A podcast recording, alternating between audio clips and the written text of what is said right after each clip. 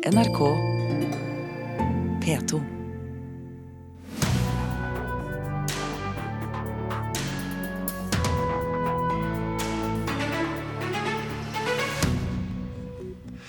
Norge er videre til Eurovision-finalen. MGP-general Jan Fredrik Karlsen tror på seier. Den politiske redaktøren i Trump-vennlige Breitbart News ønsker seg Breitbart i alle land. Og en av verdens mest omtalte artister, Miley Cyrus, er ute med ny musikk. Hun har blitt voksen, mener musikksjefen i P3, og syns det er helt greit. Og Du skal få høre den nye låta hennes 'Malibu' i Kulturnytt i dag, i hvert fall deler av den. Men vi begynner sendingen i Kiev.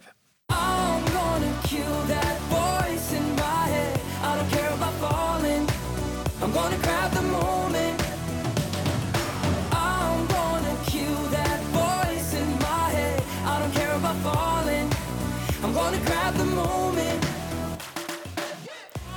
Sent i går kveld ble det klart at eh, norske Joust er kvalifisert til finalen i Eurovision Song Contest lørdag.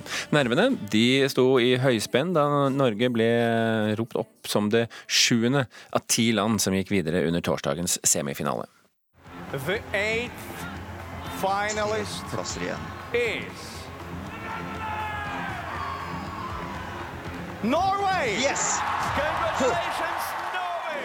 Yes, det var så deilig! Det var helt rått! MGP-general Jan Fredrik Karlsen kunne slippe jubelen løs da Norge i går kveld ble ropt opp som ett av landene som går videre til lørdagens finale. Altså, det tok det så lang tid. Jeg syns det drøyde altfor lenge. Og så bare og tenkte jeg herregud, nå går vi ikke videre. Og så som land nummer syv så ble vi ropt opp. Og det er bare, altså Jeg husker jo ikke hvem som har gått videre engang. Det var så deilig følelse. Under prøvene tidligere i uka slet Joust med tekniske problemer. I går kunne komponist Joakim Hvitsten og sanger Alexander Wallmann konstatere at alt klaffa. Jeg har det helt fantastisk bra. Vi alle gjorde det kjempebra i dag, og jeg er veldig fornøyd med alt. Eh, og det var sånn jeg trodde at det skulle gå. Og, eh, og det var sånn at vi hadde øvd på at det skulle gå. Nå skal vi synge for sjukt mange folk en gang til.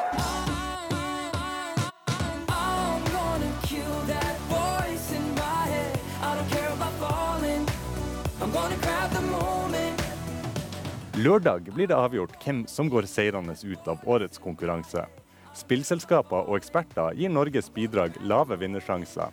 Men Eurovision-blogger Guri Itzøe Viken, som fulgte fremføringa fra salen, forteller at publikum var overraskende entusiastisk. Det var overraskende mange som var veldig engasjert i den låta. Jeg synes det var veldig sånn positiv energi og sånn. Ofte så pleier jo fansen å heie på litt, de litt mer klassiske Eurovision-bidragene, men det er helt klart at den har appellert til publikum.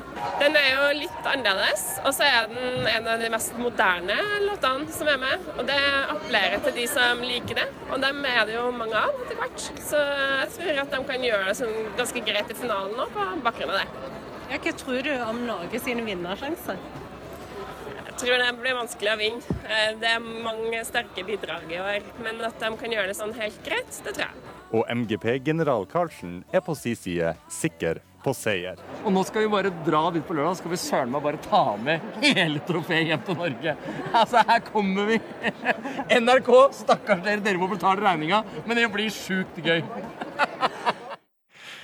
Og i natt ble det også kjent at Norge skal delta som land nummer 17 under finalen. Reportere her, det var Helga Thunheim og Gaute Sakariassen. Og når det gjelder Gaute Sakariassen, så har han kommet i studio fordi han har sittet og lest dagens aviser og vet hva som beveger seg i nyhetene. Og Gaute, Netflix raser mot filmindustrien, melder flere medier i dag. Hva er det som gjør dem så rasende? Nei, Det er Netflix-sjefen sjøl, Reed Hastings, som mener at det etablerte filmmiljøet, og da spesielt i Frankrike, ønsker å, å blokkere strømmetjenesten fra Cannes-festivalen. Eh, Grunnen er at eh, konkurranseprogrammet i Cannes eh, fra neste år av må vise altså Filmene som deltar på konkurranseprogrammet, må vises på franske kinoer etter å ha deltatt på festivalen. Netflix har to filmer på, på årets program, men de har altså motsatt seg å vise dem på kino. Og Festivalledelsen har etter mye om og men godtatt at Netflix får delta i år. Men fra neste år er det altså slutt, med mindre filmene får en runde på kino. Dette virker jo litt rart på sett og vis i 2017. Hva er det med filmbransjen som er så besatt av kinovisning på filmene deres? Det er, grunnen er at når filmer slippes rett på strømmetjenestene uten å gå en runde på kino først, så får heller ikke filmindustrien og kinobransjen sin del av, av inntektene. Og Filmbransjen frykter jo da at strømmetjenestenes forretningsmodell skal kvele den tradisjonelle produksjons- og distribusjonsmodellen, som, som, jo da gir penger tilbake til filmproduksjon. Men det er ikke bare Netflix som lider her?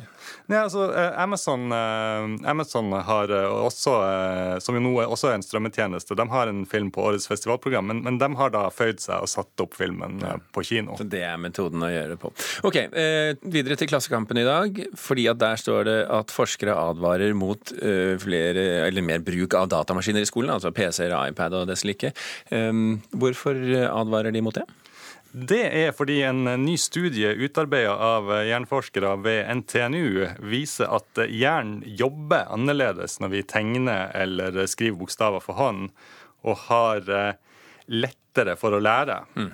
Og professor Audrey van der Meer, som er den som står bak studien, mener da at man gjør barna en bjørnetjeneste ved å la dem ta i bruk skjerm og tastatur for tidlig, og at blyant og papir kan være vel så effektivt i skolen. Fint. Takk skal du ha, Gaute.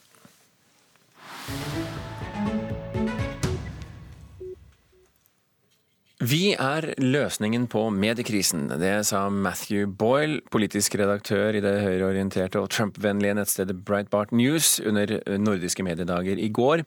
Redaksjonen har fått hard kritikk for å vinkle saker ut av virkeligheten, og i går var han altså i Bergen, hvor han sa at han er ikke mediekrisen, han er løsningen på mediekrisen.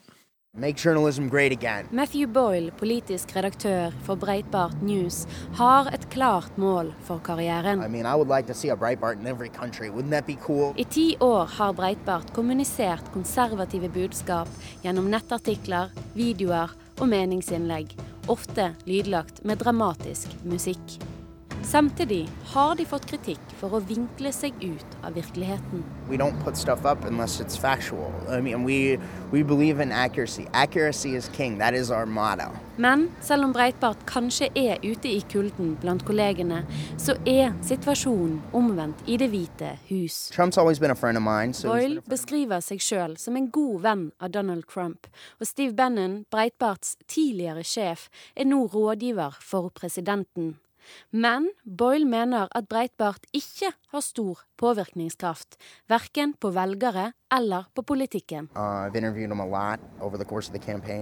Um, uh, that doesn't mean that we can't also accurately report on his administration, which we are very proud that we're doing, and we're, we've been tough but fair. Hvis man leser gjennom uh, Breitbarts uh, sider, så, så, ser det ut som, som, som verden går, uh, går ad undas ut fra, ut fra overskriften å bedømme. Og det var kanskje enda sterkere preg av dette før Trump ble valgt. Mats Motrøen, skribent i Minerva, mener at Breitbart ikke kan ses på som fullstendig troverdig. Han får støtte fra Trygve Svensson, stipendiat i retorikk ved Universitetet i Bergen. Jeg vil, si at hvis du leser kun Breitbart for å forstå hva som rører seg i verden, så får du et problem. Fordi de er ekstremt vinklet. Så er de òg blitt anklaget for å være en del av fake news-industrien. Men så enkelt er det kanskje ikke, for de har også journalister som går ut og jobber på samme måte som mange andre journalister. Har de fått et ufortjent dårlig rykte? Hvis du har lyst til å skjønne litt av hva som foregår på amerikansk høyreside, så er det absolutt nyttig å lese Breitbart. Samtidig, altså, det er ikke rart de får et dårlig rykte når de på en måte når sidene fyller sånn koko-overskrifter som, eh, som sammenligner liksom kreft og feminisme, hvis du skjønner. Men selv om Trump nå sitter i sjefsstolen i USA, så sier Boyle at han fremdeles føler seg som en outsider. We are outsiders because we are uh, challenging the, the, the, conventional wisdom of the way that the media operates. It would be much easier for me to just go along, to get along and do things the way that everybody does them, but that just wouldn't be right. Reporter i Bergen, det var Hanna Huglen Revheim. En av de mest omtalte artistene i verden de siste årene, det er Miley Cyrus. Først barnestjerne, så utagerende cannabisrøykende partyartist, og nå på tide med et nytt identitetsskifte. I never came to the beach or stood by the ocean.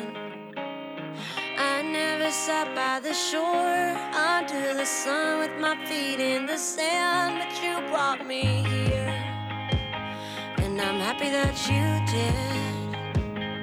Cause now I'm as free as birds catching the wind. I always thought I would sing, so I never swam. Dette er altså den nye låten til en av verdens største kvinnelige artister, Miley Cyrus. I går kveld ble Malibu, som den heter, sluppet. Den første låten fra Cyrus på to år. Dette er artisten som først ble kjent som Hannah Montana, hovedrollen i et av tidenes mest populære og innbringende program på Disney Channel. Etterpå har hun gjort karriere som artist og gitt oss skandaler og overraskelser, blant annet med sine lettkledde antrekk og frekke image. Musikksjef i NRK P3, Mats Borch Bugge, velkommen til Kulturnytt. Tusen takk. Dette må vi vel kalle et identitetsskift eh, musikalsk, om ikke annet? Jo da, definitivt et eh, sprang eh, videre. Um, altså Hun kommer jo fra en sånn countrytradisjon opprinnelig. Som, eh, Faren hennes kommer vel fra countrytradisjon? Ja, men er man ikke da også del okay, av sitt ja. eget opphav? Altså, Som Hannah Montana så var det jo countryfisert pop, det også. Og det er jo klare nikk til country her, så hun er på en måte tilbake kanskje da til sitt egentlige jeg, og har vel da vokst opp, blitt 24 år og fått utagert, og har nå da Altså I countrylåter er det jo alltid kjærlighetssorg. Mm. Dette er jo en hyllest til kjærligheten. Hun har jo virkelig da funnet tilbake til sin tidligere kjæreste. Og Hunger Games-skuespiller Liam Hemsworth, og flytta til Malibu og Men, men dette er jo veldig sånn Det er jo, det er jo strømlinjeforma. Det er ikke helt Billy Ray Cyrus, altså hennes far. Det er ikke, det er ikke Nashville, dette her. Overhodet ikke. Dette er jo, det er jo gitarbasert popmusikk eh, i all hovedsak. Eh, det er jo det hun nå Hun frir jo nå til et eldre publikum, helt klart, og ønsker å bli eh, tatt inn eh, blant de seriøse artistene, også blant litt eldre. Men frir hun til et eldre publikum, eller frir hun til et eh, albumkjøpende marked? Ja, Det er et godt eh, spørsmål. Eh, kanskje begge deler. Eh, hun ønsker vel å nå et eh, kjøpsterkt publikum. Det finnes markeder hvor man fortsatt selger fysisk. Så eh, det er klart hun, hun ønsker å etablere seg og eh, få folk til å skjønne at hun er mer enn eh, tunga eh, ut av munnen og eh, ingen klær på. Men, men dette med, med Miley Cyrus, altså hun er jo kjent som barnestjerne, og hun hadde dette veldig utagerende som tok veldig mye plass eh, fra henne som artist. Hun er jo en svært dyktig vokalist. Hun er en fremragende vokalist, vil jeg si. Altså, Sett henne live også. Synger, synger virkelig kjempebra, og det er også grunnen til at hun eh, har blitt så stor. Eh, det er vanskelig å bli det uten å kunne synge i det hele tatt. Men hun, hun fremstår som en svært eh, stabil og god eh, sanger. Og så er hun en artist som har overrasket i veldig, veldig eh, mange år nå. Men apropos det, eh, Mats. Det, altså, det ble jo spekulert om denne utagerende versjonen av Miley Cyrus mer var et forsøk på å komme ut av rollen som Hannah Montana, som var, som var veldig knyttet til henne som person. Tror du det? Ja, jeg tror nok det var eh, mer eller mindre en bevisst strategi. Vi ser det samme hos Justin Bieber, eh, som også har gjort eh, samme, den samme reisen. Og så er det vanskelig å si hva som er strategi, og hva som bare er et opprør. Hva som er det som handler om å bli eh, voksen, og hva man trenger å på en måte få ut før man kan etablere seg. Da. Men jeg tror helt klart at eh, Hannah Montana, i likhet med Britney Spears også, var opptatt av å løsrive seg fra dette ungpike- og barneimaget, eh, og da gjøre ting som var kanskje litt over streken, eh, men som jo er kjempeinteressant og underholdende for oss som sitter og ser Ja. Ok, Mats Borch Bugge, takk for at du kom til Kulturnytt og snakket om Miley Cyrus. Klokken har nettopp passert 17 minutter over åtte. Du hører på Kulturnytt, og dette er toppsaken i Nyhetsmorgen nå. Det er funnet tarmbakterien E. coli i kyllingprodukter fra Norsk Kylling. Det opplyser Rema 1000, som eier bedriften. Alle produkter er nå sperret for salg. Ulovlig lange arbeidsdager er utbredt i lastebilbransjen. Bileiere og sjåfører unnlater ofte å registrere annet arbeid enn selve kjøringen, sier eh, bransjen. USAs president Donald Trump avviser alle påstander om at han skal ha hatt forbindelser til Russland. Det skjedde i et intervju med TV-kanalen NBC News. Og når vi kommer til dette punktet på en fredag, så vet alle at det er Fredagspanelet her i Kulturnytt. Og i dag består Fredagspanelet av Synne Øverland Knutsen, redaktør for Fanfare, Tom Remlov, riksteatersjef, og Sigrid Hvitsten, kulturredaktør i Dagbladet. Velkommen, alle mann. Takk skal du ha. Kan du, Synne, ta altså, plassere mikrofonen litt lenger ned, så jeg ser øynene, ser øynene dine, eller hodet litt lenger opp. Takk skal du ha. Um, vi går på første spørsmål. Regjeringen vil ha ny åndsverkslov, men etter at forslaget ble lagt frem for Stortinget denne uken, så står artister mot produsenter og musikere og aksjonerer. Særlig er det de utøvende kunstnerne som er misfornøyd med forslaget om at det er en arbeidsgiver, eller en oppdragsgiveren, som har opphavsretten til et verk. Spørsmålet vårt er har kunstnerne noe å frykte? Ja. Ja. ja. Oi sann, ja da. Ja da, det, Når jeg tenker meg om, så kunne jeg jo forestilt meg dette. Eh, Synne, eh, vil du starte? Eh, ja, nei, egentlig ikke. Nei. Men eh, eh, nei, eh, dette her er jo en eh, en flytting fra kunstneren eh, til deres arbeidsgiver. Eh, og som er Altså, jeg, jeg tror på det argumentet som er eh, at de som faktisk sitter med flest advokater og mest, eh, som er mest kyndige på avtaleinngåelser, er de som sitter på pengesekken. Eh, og da også så mister man da kunstnernes mulighet til å tjene penger i framtiden, Mm. fordi at eh, råderettene er et annet sted. Remlov, eh, det er vel bare rett og rimelig at de som investerer masse penger i et kulturprodukt, også får sitte med inntektsmuligheten, er det ikke det? Jo, absolutt. Um, jeg- Likevel er du uenig? Ja, jeg var glad for at det overrasket deg at jeg var uenig. Um, altså jeg, er, uh, jeg, jeg synes at de har grunn til å frykte fordi jeg synes dette her er for dårlig uh, utarbeidet. Det er for dårlig håndverk sånn uh, fra Kulturdepartementets side. Lovteknisk sett, mener du? Ja, å innføre denne skal vi si, tilleggsbestemmelsen, eller presiseringen, eller hva vi kaller det, uh, på et så sent tidspunkt i en, en så seriøs sak som ny åndsverkslov, som altså skal innføres og, og regulere vilkår som er helt nye og helt andre enn de var da forrige lov ble laget. Kort fortalt, la oss bare si at, at det var annerledes under høringsperioden, og så gikk den inn til departementet igjen, og så ble denne tingen endret. ikke sant? Og derfor, Nå fremmes det for Stortinget uten at en høring er gjennomført på dette store, krevende punktet. Det er det som gjør at- jeg mener at også kunstneren har grunn til å frykte. Jeg mener også at produsenten har grunn til å frykte. Fordi man kan altså ende med et voldsomt konfliktstoff eh, som man ikke er tjent med dersom dette går igjennom uten ytterligere fordypning og behandling. Så strengt tatt, så langt jeg kan forstå, så burde dette føre til at man stanset prosessen og eh, gjennomførte en høring av dette punktet. Sigrid Wissen? Nei, altså Den nye åndsverksloven eh, er, lages jo nå for å gjøre det enklere, ikke vanskeligere. Eh, jeg tenker at som Tom sier her, at vi står jo overfor et uh, mye, mye, mye mer krangling enn det vi gjør i dag. Altså er det, det er alltid viktig hva slags avtaler uh, som gjøres med oppdragsgiver uh, og kunstner. Eh, men jeg mener jo at det er jo kunstneren som må sitte på rettighetene til Men jeg stoffet sitt. tror ikke nødvendigvis at det vil eh, medføre mer krangling. Det er allerede en god del krangling. Det er eh, utfordringen. Mm. Så altså, jeg støtter helt og holdent Produsentforeningens anførsel her på sine medlemmers vegne, som jo har vært gjengitt i Kulturnytt tidligere i uken. Det er ikke det. Men nå, Altså, den store forskjellen er jo at eh, det har alltid fantes en avtalefrihet. Men at hvis tvilstilfeller, så er det, skal det være kunstneren det kommer til gode. da. Eh, mens nå er det eh, da eh, eh, arbeidsgiver det kommer til gode. Og de er, jo, de er jo store og eh, sterke i utgangspunktet. Og da vil det være en kamp da for kunstnerne. Og de må også være ganske kyndige på hva som står i kontrakter. Og det er de ikke nødvendigvis. Men en ting jeg ser på sånn type sånn, Når jeg ser Facebook-tråden min, da, så ser jeg også sånn type sånn plateselskap og forlag og sånt som sier sånn ei, eh, Som deler da Dagbladets lederartikkel som går imot dette, da.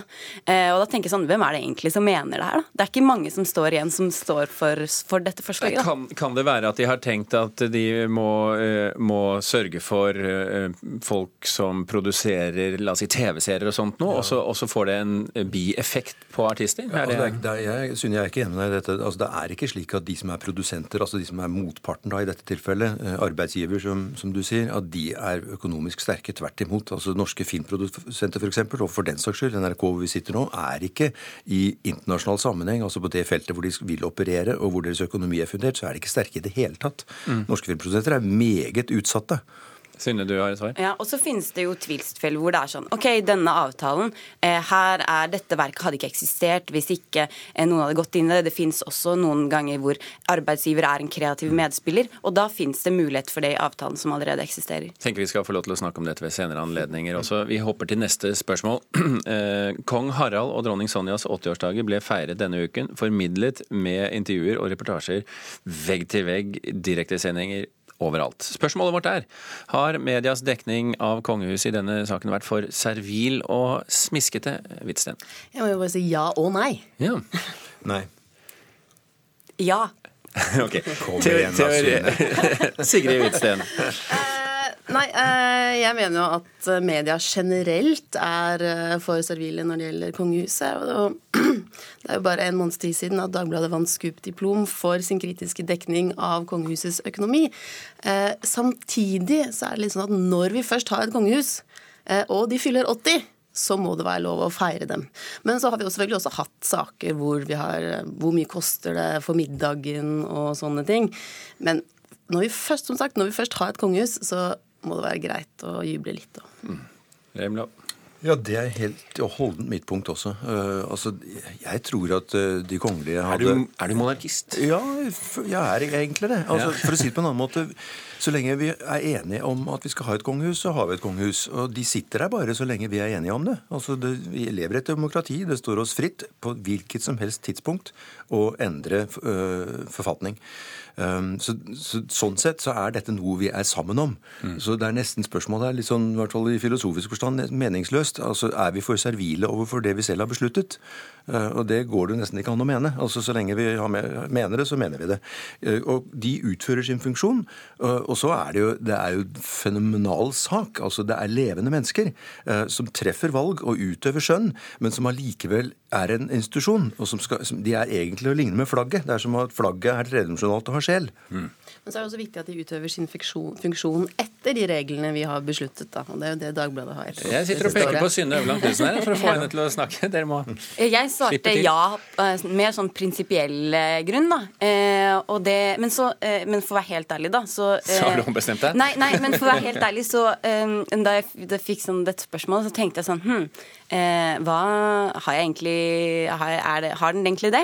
Fordi at i de avisene jeg leser, da, sånn, eh, Klassekampen, Morgenbladet, Dagens Næringsliv, så er det jo veldig lite dekning av eh, kongehuset. Ja. Så, eh, så, så i Men du har fått liksom med deg at det er et jubileum? I- Ja, jeg har absolutt fått med meg, men, men, men der, derfor ville jeg ikke sagt ja umiddelbart på at den var servil. Men så begynte jeg å finne fram til det, og hvem er det som skriver da om dette? da? Eh, så de mediene jeg følger, der har det ikke vært det. Der har ikke dekningen vært det. Nei, men eh, det er jo noen visse anledninger man eh, legger merke til at man lever i et monarki. Eh, alle må reise seg, og de går inn. Eh, det er jo sånne anledninger jeg egentlig kunne vært foruten, da. Det bidrar jo til en sårt tiltrengt øvelse i norsk sammenheng. Folkeskikk. Ja, vil du utdype det på noen Jeg synes at man, at man må reise seg når det kommer noen, en øvrighetsperson inn i et rom, og utvise en respekt for noen som man har bestemt seg Sånn respektere. Sånn er det nemlig på Riksteatret Ja, selvfølgelig. Alle reiser seg umiddelbart. Nei, men altså, Folkeskikk er en god ting. Jeg syns det er fint ja. at det er noen få eksempler igjen på La oss nå teste ut Tom Remlovs folkeskikk, for jeg vet at dette neste spørsmålet er noe han har gledet seg til å snakke om i dag, nemlig Melodi Grand Prix. Det er snart over for i år. Lørdag har vi en vinner. Kanskje blir det Norge, kanskje ikke. Men vi er nå i hvert fall med i morgendagens finale. Og da er spørsmålet, og vi kan begynne med deg som er musiker, eh, Synne. Fortjener vårt bidrag det? Jeg sier nei, for det er mye morsommere. OK, Tom. Ja da. Ja, nei, nei, nei, nei. OK, Synne Øverland Knutsen. Du er jo altså tidligere popstjerne, nå redaktør. Um, Hva, hvorfor sier du som du sier? Ehm, nei, jeg sier jo nei fordi altså jeg, sånn i, I bunn og grunn har jeg jo ikke helt peiling på hva som gjør seg fortjent til Melodi Grand Prix. Eh, det er vel litt sånn usynlige sånn effekter av å være en god nabo og sånn, når man gjør seg fortjent til det også. Men, eh, men jeg syns jo at Melodi, Melodi Grand Prix, som skulle vært en sånn øverste låtskriverkonkurranse, har blitt mer sånn eh, bra låtrekrutterings, eh, låtskriverrekrutteringskonkurranse. Eh, og denne låta her er jo ikke eh, Den er jo en god kopi av andre poplåter, men den er ikke en, eh, en poplåt som virkelig står seg ut, da. Det er catchy, da. Nei, det er den ikke. Nei, ikke det? Det er ikke bra Ikke catchy. Eh, Det var i går, da de hadde sin semifinale, så um, spilte, kjørte de sånne ukrainske varianter av klassiske Grand Prix-låter, som da var Euphoria og Fairytale. Og du kunne Altså, kvaliteten mellom Euphoria Altså liksom spennet mellom Euphoria og Fairytale og Grab the Moment er altså enorm. Og vi fortjener ikke å Grab the moment er mye bedre. Grab the Moment er en veldig veldig kjedelig låt.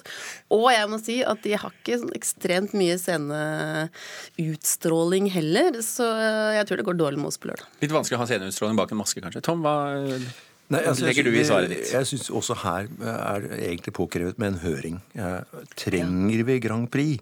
Eh, altså, hvis, det, hvis vi først er der, så fortjener vi sikkert den låta like mye som vi hadde fortjent å ikke møte opp hvis vi hadde tapt i går. Eh, men hva er egentlig Grand Prix i dag eh, i forhold til hva det var tenkt å være den gangen det ble startet? Si det på en annen måte, når Israel er med, hvorfor er ikke USA med? Og var USA med, så ville jo USA hele hadde en, Det er en representant det er- på scenen i går. Det er fordi det er Eurovision Song Contest, Ja, og Israel når, er med når, i ble, Eurovision. når ble Israel del av Europa? Nei, det er en del av Eurovisions eh, send... Altså Det henger jo ikke på TV. greip. Forsvarer du noe av dette, eller? Ja, selvfølgelig. Ja, okay. Men Tom, jeg lurer på en ting. Hvis dette gir glede til folk, og er morsomt, og det er paljetter og glam og rare frisyrer og øh, mange ting å bli oppskjørtet av, hvorfor ikke? Nei, altså Nå er du servil, da, for å si det sånn, overfor dette fenomenet. Um, altså Jeg mener her skulle vi virkelig være ufattelig mye mer kritiske. altså Enorm pengebruk. Um, og eh, altså Jeg syns det er kulturell utvanning på alle mulige måter. Hvorfor ikke f.eks. bare ha noe så enkelt som uh, en absolutt regel om at alle må synge på sitt eget språk? Det hadde vært noe. Nå sitter disse og ser på deg, altså Jeg er usikker på om Sigrid og Synne her hva, hva de tenker. Kort til slutt, eh, Synne. Hva tenker du om dette? Det er en lang diskusjon, tenker jeg. Men eh, jeg, jeg, jeg, blir jo sånn glad for at han sier det, og så, så håper jeg at jeg kunne bare sitte og nikke og smile litt ved siden av. Uten å uttale meg og gå hjem og tenke litt på dette og komme med en seriøs uttalelse senere. Ja. Sigrid, har du det samme måte? Du, dere så litt sånn der bestyrtet ut, nemlig. Nei, nei. Øh, jeg syns vi godt kan ha Grand Prix, men eh, vi må ha en ordentlig gjennomgang av hva det er vi gjør, og hvorfor vi gjør det. Og ikke minst hvor mye penger det koster. Vi konkluderer med Toms forslag. Grand Prix må ut på høring, gjerne behandles i Stortinget. Eh, fredagspanelet får ikke gjort det noe mer. Vi er ute av tid. Eh, Synne Øverland Knutsen, Tom Remlov og Sigrid Witzen, takk for at dere utgjorde Fredagspanelet. Vidar Sem og Birger Kolsrud Aasund takker for følget i dag. Hør flere podkaster på nrk.no podkast.